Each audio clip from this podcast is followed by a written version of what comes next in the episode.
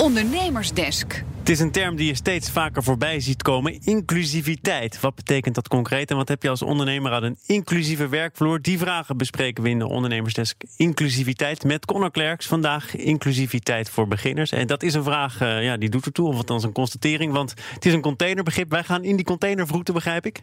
Ja, absoluut. Um, ja, het is best wel een brede term. Hè? Je zou het kunnen definiëren als uh, jezelf eigenlijk kunnen zijn op de werkvloer. Dus zorgen als werkgever dat uh, jouw personeel zichzelf kan zijn. Dat er ruimte is om, uh, om je eigen authenticiteit, zeggen ze dan, mee te nemen naar het werk.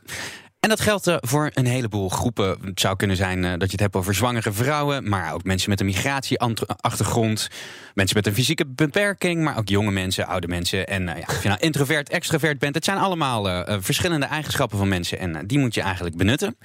En bij een inclusief beleid wordt er rekening met je gehouden en kun je dus jezelf zijn op het werk. Het lijkt een beetje op diversiteit, maar het is niet hetzelfde.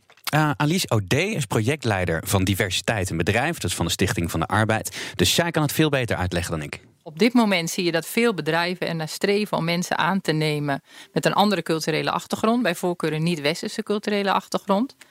En dan zie je dat ze druk bezig zijn om die mensen aan te trekken, maar veel minder zich inspannen en ervoor zorgen dat die mensen zich ook thuis voelen binnen dat bedrijf. Dus dat ze zich ook gewaardeerd voelen en dat het ook hun of haar bedrijf is. Ja, diversiteit is dus het streven naar mix in je personeelsbestand. Dus een mix wil zeggen dat er mensen werken met verschillende geslachten, leeftijden, culturele achtergronden, arbeidsvermogen bijvoorbeeld, hè, mensen met een arbeidshandicap, of mensen uh, homoseksueel of lesbiennes, hè, mensen met een andere seksuele oriëntatie of genderexpressie. Dus dat je streeft naar een mix, dat is feitelijk diversiteit.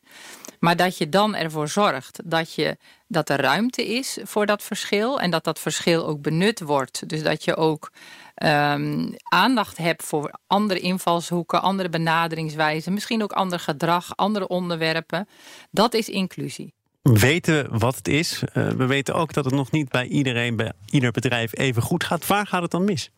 Ja, volgens uh, Alice O'D zit het hem vaak in hoe de leiding omgaat met dat inclusieve beleid. Ik zie het vaak misgaan uh, in dat werkgevers zelf, en dan heb je het eigenlijk over de directeuren of de managers, te weinig uitdragen dat zij het verschil belangrijk vinden. En dat zij vinden dat er ook ruimte moet zijn voor verschil.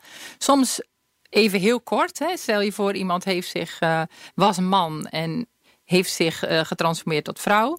Nou, dan is soms de entree nog wel met bloemen. Maar, heel, maar kort daarna is er eigenlijk helemaal geen aandacht meer voor wat dat betekent. Zowel voor de persoon in kwestie als voor het team.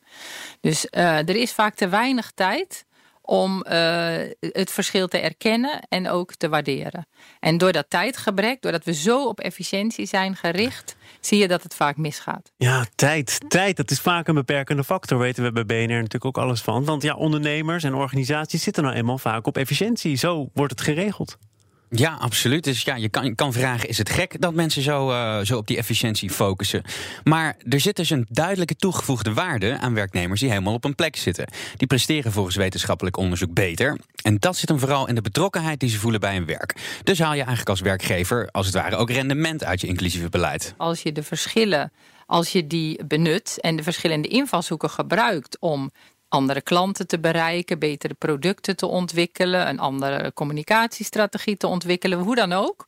Als je dus de verschillen in je personeel gebruikt om die zaken te verbeteren, ja, dan pas heeft diversiteit meerwaarde. Dan pas komt het voordeel, voordeel tot zijn recht. Iedereen aan de slag, zou je kunnen zeggen. Dan moet je wel ergens beginnen. Is er nog een eh, concrete eerste tip? Ja, een concrete eerste tip, die krijg je van mevrouw Ode. Begin bovenaan. Zorg dat het in je mission statement staat. Zorg dat de CEO of de directeur het heel nadrukkelijk uitstraalt en, en op de agenda zet. En neem dan je bedrijf mee in die weg naar meer inclusie. Maar het is het meest effectieve als het van bovenaf heel duidelijk uh, op de agenda staat en, en ook zeg maar uitgestraald wordt. Dus de toon moet gezet worden door de directie of het door het bestuur. stond vandaag in ieder geval op, uh, op onze agenda in deze ondernemersdesk inclusiviteit. Conor Klerks, spreek ik jou morgen weer? Yes, morgen. En dan gaan we het even over energie. Dankjewel, tot dan. BNR Nieuwsradio. BNR Zaken doen.